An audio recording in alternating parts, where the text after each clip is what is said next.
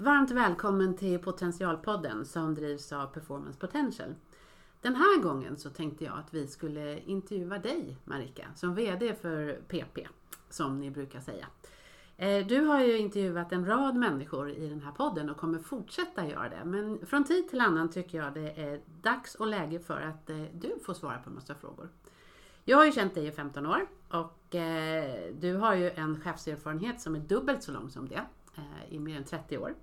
Och jag vet ju att du har fått eh, utmärkelsen Årets chef som jag tror väldigt många gärna skulle vilja ha någon gång i livet. Det kan du ticka av så. En annan sak som du har gjort två gånger dessutom, det är böcker. Du har skrivit två böcker och det är också väldigt många som skulle vilja ha gjort som chef och ledare. Det kan du också ticka av. Eh, du har startat företag och du finns i ett antal styrelser och har en enorm energi och också blick för det här med ledarskap och vad som kommer hända framåt. Och det tänkte jag att vi skulle prata om under några poddprogram. Och jag som intervjuar Marika heter Ella Lindgren och eh, till vardags arbetar jag numera som chef för försäljning och medlemsutveckling på LRF, Lantbrukarnas riksförbund, som eh, samlar eh, Sveriges företagare inom de gröna näringarna. Och utöver det så har jag snart lika många chefserfarenhetsår som Marika, 30. Och därför är jag också väldigt spänd på våra samtal för vi kommer att gå igenom ett antal olika teman och kluriga frågor för oss som chefer och ledare att reflektera kring. Så väl mött i våran podd! Och jag tänkte så här att eh, vad är det vi borde börja med som första tema? Vi har ju precis eh, gått ur ett 2020 som var otroligt märkligt, eh, som ingen har upplevt i modern tid, eh, en pandemi. Och vi fortsätter att gå in i 2021 med samma pandemi. Jag tänker Marika, har du någon reflektion över 2020 utifrån just covid-19 perspektivet? Ja, det finns en massa reflektioner att göra. Ehm, en av de saker som jag har tänkt mest på faktiskt, både före och efter, det är vi, eller vi ska säga, människor har blivit väldigt så att säga, här och nu orienterade. Eh, det är lite som att man går in i, i som en pragmatisk fas och, och, så ser man bara det man har framför sig. Eh, och så börjar man liksom exekvera på det och jobba på det och, och göra, bara göra saker så att säga. På något sätt, ticka av listor. Man sitter i möten, de går liksom hand i hand, ett i ett och så. Eh, och det, generellt sett tycker jag det funnits väldigt lite tid för reflektion, stanna upp, och också innovation. Sen finns det ju de som har innoverat därför att de har använt ny teknologi och upptäckt att det finns ett liksom, område här som, som eh, man kan göra business på och som kanske underlättar. Men just det här att det blir de, de här mer strategiska och kanske stanna upp och fundera på vad gör jag egentligen och vart är vi på väg och så. De har liksom blivit ja, de har kommit andra hand på något sätt. Ser du att eh, vi som chefer och ledare borde ha tänkt på det och agerat på det? Du tänker i förväg så att säga. Mm. Vad skulle jag göra om jag hamnar i en sån här situation? Mm. Eh, ja, alltså efterklokheten är världens mest exakta vetenskap som jag brukar säga. Så det är alltid lätt att säga vad borde jag ha gjort? Men det finns ju det finns ju faktiskt studier som jag själv har praktiserat och blivit utsatt för en gång i någon form av ledarträning som jag hade för många år sedan. Som säger det att när man hamnar i en alltså traumasituation eller paniksituation så de allra flesta människor blir faktiskt ganska handlingsförlamade eller springer runt och som, är ofokuserade. Det är en ganska liten del av mänskligheten som blir så här: okej, okay, vi sätter oss ner, vad gör vi nu? vilka steg ska vi ta för att vi ska klara av det här? Och eh, rent statistiskt borde ledare även ha den där mixen, tror jag, av de här olika delarna. Eh, och det gör väl att jag är inte säker på att alla eh, kan göra det, så att säga, by nature. Jag tror mm. att det finns de här kan man säga, fördelningarna mellan hur vi agerar i krissituationer. De finns där och innan man har upptäckt dem så är det ju svårt alltså, att försöka styra dem i nästa steg. Mm. Mm. Ja, men det är också så, tänker jag, att eh, väldigt många har sina medarbetare som sitter hemma. Eh, man ses inte i något rum, man känner inte personkemi och annat utan man har ganska platta skärmar så man tittar på varandra och har en massa möten. Och då har ju flera börjat diskutera värdet av att införa någonting som man kan kalla för självledarskap på bred front. Mm. Mm. Eh, vad tänker du om det? Är det någon bra output av 2020? Eh, ja absolut, om inte annat så kanske man boostar den, eh, så att säga, den insikten om att man behöver göra det. Jag brukar säga att om du inte kan leda dig själv så kan du inte leda någon annan heller. Och det allra svåraste är faktiskt att leda sig själv. Eh, de flesta människor ehm, är kanske inte jättebra på det och behöver träna på det. Eh, och jag tänker så här att i, i de så att säga, jobb som jag har haft och, och, har så har jag kanske inte tänkt efter före men insett i, i efterhand som man alltid gör att, att träna sina liksom, kollegor och medarbetare till självledarskap det är ett fantastiskt bra sätt att som ledare få ägna sig åt kanske andra saker. Alltså en organisation eh, blir, eh, den blir självgående på ett, på ett väldigt positivt sätt vilket gör att man tillsammans kan leverera och prestera och fungera mycket, mycket bättre. Så självledarskap i sig som träningsform är, är sjukt viktig om jag får säga så. Mm. Men svår, mm. så att säga. Och jag tror också att eh, på något sätt har man det är alltid så i olika typer av situationer så hittar vi såna här, okej okay, nu gör vi det och nu gör vi det, det är trender och sådär. Om man skulle gå tillbaka tio år så skulle man skratta åt alla de här buzzworden. Och nu kanske självledarskap blir något sån här äh, extra boostat buzzword också. Eh, och eh, problemet är bara lite grann att vad är det? Mm.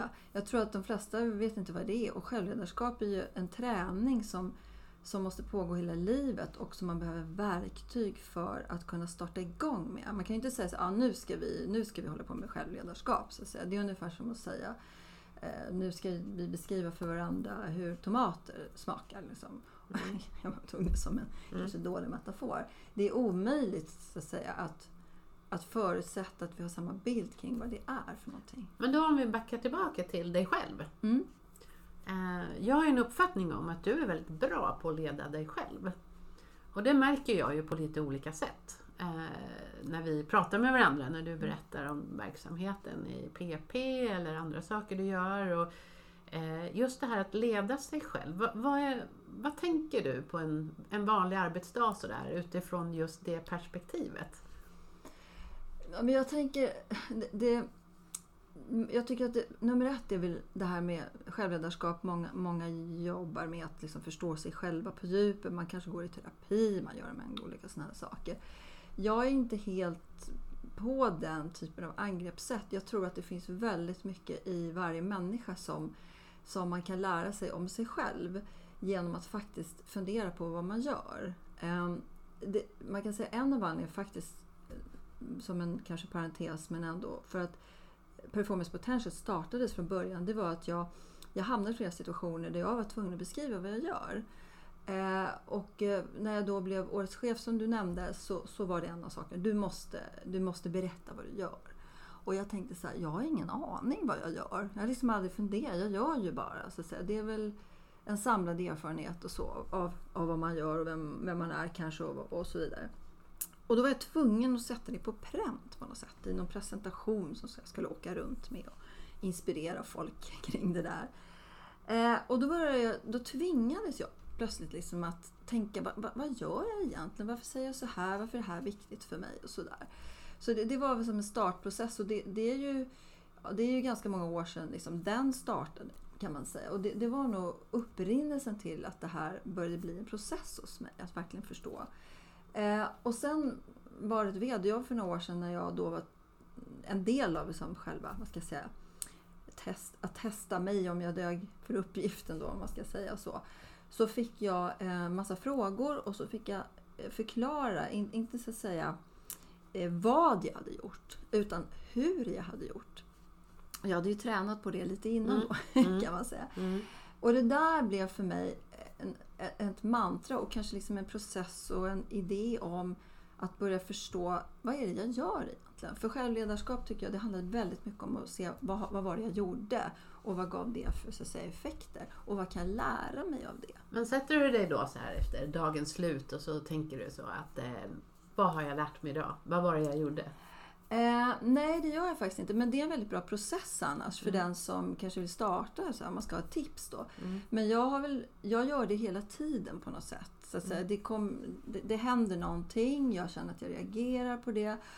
Och då, i alla fall, inte alltid förstås, det ska jag säga. Men då kan jag stanna upp och tänka så här, hmm, vänta nu, vad var det som gjorde att jag gjorde så här? Jo, jag har ganska bra koll på det. Och så kan jag så att säga förhålla mig till eller, eller ändra det. Då. Ibland går jag ju förstås kanske jag blir arg eller jag blir besviken eller jag blir lycklig kanske också för den delen. Då, kan jag, så då, då glömmer jag bort mig. Och sen efteråt kan jag säga, aha, det var därför det här hände. Så, Mm. så att jag, jag, jag jobbar nog med det kan man säga, i, i vardagen hela tiden. Det är som en, jag säga, en, en, en, stunds reflektion i varje reaktion, eller vad jag ska kalla det för. Okej, Ja. och då tänker jag så här. Eh, man fungerar lite olika och ibland så reflekterar jag eh, efter ett möte, liksom, vad ska man sätta ner för tankar till nästa gång sen. Men då kommer jag in på det här, hur dokum- dokumenterar du det här på något sätt? För det finns ju Ja. de som gör lappar och listor och punkter och skriver dagböcker och nattböcker och allt möjligt. Hur gör du? Jag får en idé och så skriver jag ner. Så funkar jag lite grann för annars glömmer jag bort det. Men när det gäller just reflektion så har jag kommit på mig själv att jag reflekterar i realtid. Det låter liksom helt absurt egentligen men det är som att jag ibland eh, kanske behöver, eh, behöver bli intagen, skämt, skämt åsido, men att jag liksom kan gå utanför mig själv i en situation Mm. och höra mig själv säga saker som jag tänker så här, nej men vad säger du? Så. Mm. Eller varför gör du så här?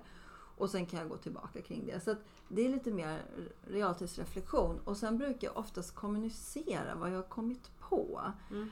Så att till exempel mina medarbetare ibland, eh, till som har lärt sig lite grann hur jag funkar, jag brukar få säga det att jag är inte helt galen så säga, men så här gör jag. Eh, då kan jag samtidigt som jag har sagt någonting sen säga, ja men jag gjorde ju så här och det blev så här, det var inte riktigt min tanke. Och genom att jag gör det så har jag märkt att jag skapar jag skapar en trygghet i att allting är transparent hela tiden. Ja, okej. Ja. Så att, att, att eh, ställa sig utanför lite grann sig själv och titta på sig Exakt. själv. Exakt. Är Ja. det någonting som du tycker att vi som chefer och ledare ska kanske försöka att ta lite tid till? Jag tror, för att vara som väldigt kategorisk, jag tror man måste Mm. göra det. Mm. Jag tror att det blir väldigt mekaniserat annars. Mm. Och, och liksom själv, självledars, ledars, äh, Självledarskap. självledarskap, det var knepigt där. Självledarskap handlar ganska mycket om också tror jag att gå, gå, go with the flow så att säga. För jag tror här, ja, nu ska jag lära mig självledarskap och så tar jag det i ordning. Så här. Absolut, det måste finnas en process i botten. Jag har ju en slags process ändå för hur jag gör, liksom en struktur. Och den har jag nästan glömt bort för den finns där naturligt. Du har det som ett system i Ja. ditt sätt att vara. Ja, så jag tror Mm. att man kan börja med att skapa ett system Mm. som att hålla sig i. Men sen tror jag man måste, man måste kanske vara lite kreativ i hur man bedriver sitt eget självledarskap. Absolut. Men om man ska vara lite provokativ då, Ja. åt andra hållet, så kan man säga så här att de eh, alla på ett företag, Mm. alla medarbetare, Mm. ska gå in i ett självledarskap. Hur ska du som chef då leda? Om Ja. alla leder sig Ja, själva, Ja, vad alltså- händer då? Ja, det som händer då är att du behöver ju inte leda människor på det traditionella sätt som du kanske som man tränas till i chefskurser och allt vad det är. Så att säga. Utan det, det coola som händer det är att, att folk själva reflekterar över sina ageranden. Och, och min erfarenhet när det händer, jag har ett av de så att säga, interimsuppdrag som jag eh, jobbar i eh, där har det hänt. Och det, det är nästan, liksom, jag ska inte säga religiöst för det kan tolkas på olika sätt. Men det som sker är att när någon gör någonting som då skaver på något sätt. Då, då, då kan man så att säga gå tillbaka till det och säga, ah, men kolla vad hände här? Ja just det, jäklar. Ah. Eller så kan folk komma själva och säga, du det där som jag funderade på. Eh, det blev så här, det blev inte så himla bra. Och då uppstår faktiskt, eh, kanske, det låter kanske självklart men, men också märkligt, det uppstår liksom inga konflikter på det sättet som det kan göra när folk känner sig kränkta eller missförstådda eller vad det nu kan vara. Utan man säger som det är mm. med respekt. Mm. Kan man tänka sig att, att det finns andra vinklar av det här med självledarskap? Att man tänker att eh, inför vi det så blir det mer effektivt, eh, vi tjänar mer pengar, vi kan slimma processer, vi kan driva det så. Eller är det en, en annan bild av självledarskap som du inte tycker hör hemma i den kontexten? Nej, absolut. Alltså, jag menar, självledarskap är ju inget självändamål. Jag tänker så att allting tror jag bygger på att man lär sig saker så att man ett, kan prestera bättre, må bättre, leverera bättre, fungera bättre. Och det är liksom som människa. Och det gör du ju både hemma i privatlivet och på jobbet och tillsammans med människor. Så det är någon grunden ändå. Funkar inte du som person så funkar du kanske ingenstans. Jag tror inte på det här att du är olika individer. Kanske att en del människor sätter på sig någon form av roll när de går in och så. Men det är inte, det är inte på riktigt då. Det är, då, är, då spelar man någonting och då är det ändå inte, det är inte självledarskap. Det är, det är skådespeleri eller dra, drama eller vad det nu kan vara. Så det är en annan, en annan sak. Så jag tror att förutsättningarna för att skapa de här eh, ja, framgångsrika företag innovation, utveckla, komma vidare, hitta nya idéer. För det är ändå någon annan som ska köpa dina tjänster eller, eller, eller nyttja dina tjänster. Det är ju någon annan som mm. ska ha nytta. Det är inte mm. liksom för sin egen skull. Mm. Så tror jag att man, ju mer man har koll på vad man pysslar med, mm. desto större logiskt är möjligheten att det kommer gå väldigt bra. Det är inte risk för total anarki då? Att människor leder sig själva åt alla möjliga olika håll? Ja, det skulle kunna vara så, men min erfarenhet är inte det. Det finns något psykologiskt. Jag har funderat mycket på det här och jag har inte sett någon forskning för jag tror att det är så komplext så jag vet inte ens om det går att förklara. Mm. Men jag har i alla fall sett att det blir som att man skapar ett pussel tillsammans.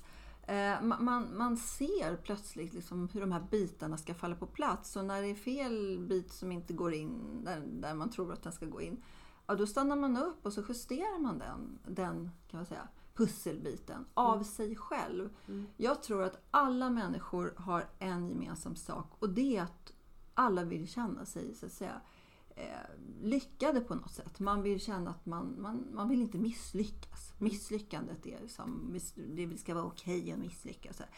Ja, det kan man säga, men, men känslomässigt så är det svårt för människor. Man vill känna att man gör nytta, man liksom levererar. Det är någon fundamental drivkraft hos människor. Och det är mycket lättare att känna det. För, för det blir inget dömande i det här, eh, så att säga. Men det är klart att självledarskap, om jag sitter i min egen eh, så att säga, låda och försöker utveckla mig själv och förstå hur jag fungerar. Det är väldigt egocentriskt mm. egentligen. Man måste ta det eh, från sig själv och, liksom, mm. och använda det ihop med andra. Jag kan ju sitta på en kobbe och ha superkoll men mm. det är ingen mening med det. Nej, nej.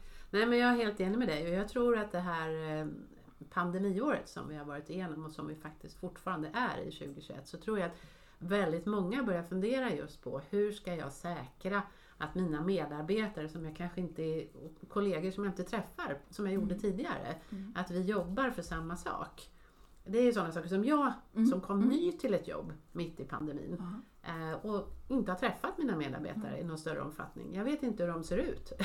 Från axlarna och neråt. Jag har ju bara sett dem liksom på Teams. Mm. Så. Hur tänker du där då? Eh, utifrån att eh, jag till exempel som ny chef ska försöka säkra ett självledarskap för mina medarbetare. Alltså det är ju faktiskt en, en utmaning, det måste jag säga.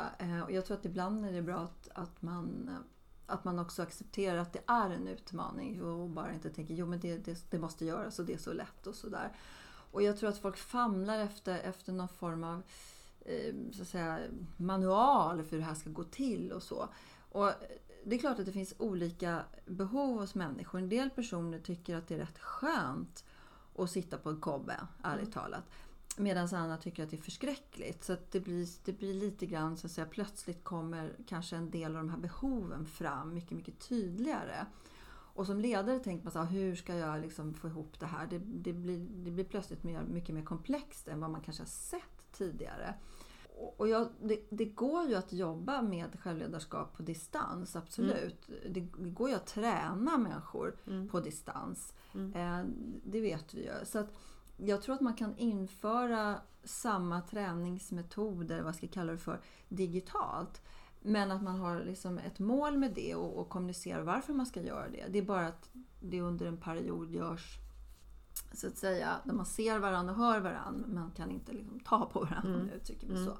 Så jag tror att det går att införa ändå. Men jag tror att det är farligt faktiskt. Eh, just det här när man sitter på kammaren och, och knåpar och tänker ah, vad ska vi, vad, hur ska vi lösa den här krisen nu? Ja, det löser vi med eh, att vi, vi, vi vi kör allt digitalt eller vi, kör, vi, vi måste införa någon, någonting kring självledarskap eller vad det kan vara. Jag tror igen att, att man måste tänka, man måste stanna upp och tänka vad är det vi ska ha det här till? Mm. Och om jag som ledare ska managera, leda ett självledarskap så kräver det att jag själv har en process och tänkt till. Jag måste ju framstå, eller framstå ska jag säga, jag måste ju leva som jag lär. Jag måste, jag måste visa hur jag gör i det här för att kunna få andra att mm. förstå hur de ska göra. Jag tror, jag tror precis det och jag tror att man måste vara väldigt trygg i sig själv som ledare mm. och försöka skapa den Absolut. plattformen. Och då kan man ju komma in på det här med självledarskap.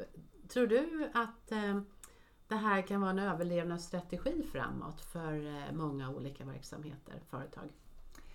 Jag har ju, jag har ju den absoluta liksom, eh, uppfattningen och, och eh, tyvärr rätt så fastlåst sån. Då, att, alltså medvetenhet är, kan man säga, nyckeln till allt.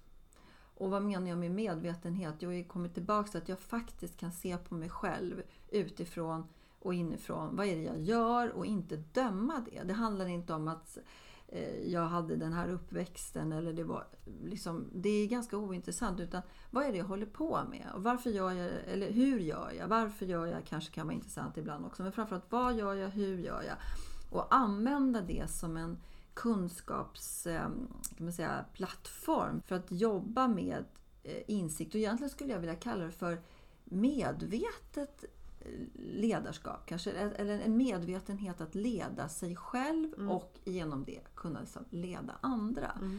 För när man blir medveten om saker, det är ju mm. jobbigt på ett sätt. För då upptäcker man, så börjar man lägga massa värderingar i det. Att det här var inte bra och jag är inte bra och det här borde jag jobba på. Till exempel är vi superindoktrinerade i att vi ska jobba med våra svagheter och våra styrkor. Och så. Jag blir lite halvt allergisk, förlåt mig, när man pratar om vilka är dina styrkor, vilka är dina svagheter. Jag här, det är ointressant, men det är min uppfattning. Det är mycket mer intressant, vad är det du gör? Mm. Och i det du gör, vad fungerar? Mm. Vad verkar inte fungera? Mm. Det är Då som ett annat... vi på begreppen. Ja, jag skulle faktiskt vilja mm. göra det. Det är ett helt annat sätt att tänka på. Vi är så otroligt fast i det här bedömnings... Um, systemet på något sätt. Och då är det är någonting som du ofta kommer tillbaka till. Vad vi gör mm. och hur vi gör det. Mm. Alldeles oavsett de här andra delarna så är det ju faktiskt vad vi gör och hur vi gör det som räknas. Och då kan man ju tänka det att, att eh, ett verktyg skulle ju kunna vara i chefsledarskapets eh, palett och allt vad man mm. ska tänka på. Just det här att ställa sig lite grann utanför sig själv och titta på sig själv mm. någon gång ibland. Och göra det med de ögonen för att börja titta på hur gjorde jag det här? Och varför gjorde jag det här? Och då kan man ju säga självledarskapets yttersta konsekvens. Om du bara får säga en grej som är det mest positiva med det, som det får genomslag i organisationen. Vad skulle du säga då? Åh, oh, eh, måste bara välja, välja en. Och det är ju mm. alltid svårt. Nej men eh, självledarskap eller medvetandegörande av sitt eget agerande, om jag får lägga ihop dem så att säga det skapar ju hela tiden en icke dömande uppfattning om vad som är rätt och fel. Och att, så att säga, vi på något sätt i systemet gemensamt kommer jobba mot de här gemensamma målen. För målen eh, är ju att varje person tillsammans i liksom plus 1 plus 1 plus 1 och så vidare blir den här massan eh, som driver mot någonting. Där det finns någon som är intresserad av, av det här man gör. köpa tjänster eller vad det kan vara. Nå, någon, man levererar liksom nytta till nytta då. Mm. Win-win är sånt här trött ord kanske. Eh, men i det här fallet skulle jag vilja använda det. Mm. Alltså det. Det blir nytta för alla och för mig så finns det en stor nytta i som individ att vara med i den här processen, den här utvecklingen för att eh, ja, det ger mig något. Det är, på ett sätt är det, egot i slutändan som ändå driver människors intresse. Men här kan egot bli en del som gör att det inte blir egoism utan det blir en gemensam, en, en gemensam så att säga, plattform. Men då har vi idag i vårt samtal summerat det här med självledarskap, att eh, skapa nytta på flera olika sätt och i flera dimensioner. Och det tar vi med oss in i vår nästa samtalspodd som vi ska ha. Och eh, från självledarskap så tänkte jag att vi då skulle prata om att våga vara chef. För det är ganska tufft. Och att våga vara chef, det ställer rätt mycket krav på oss och på de som vill bli chefer. Så Marika, vi ses snart igen. Det ser jag fram emot. Det ska bli jättespännande. Mm.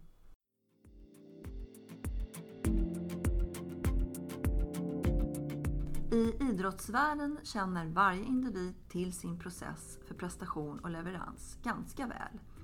Men i näringsliv och organisationer är det ofta en otränad och kanske omedveten kunskap. Performance Potentials digitala verktyg, som vi kallar för preferensanalys, används just för att ta fram teams och organisationers sätt att leverera. Och sen matchar vi det med kundernas krav på agerande. Genom den här metoden får både individer och organisationer en möjlighet att nå sina mål och få bästa utfall av sina planer. Därför att man på förhand faktiskt kan förutse hur människor kommer att agera. Så hör gärna av dig så kan vi berätta mer om hur det går till.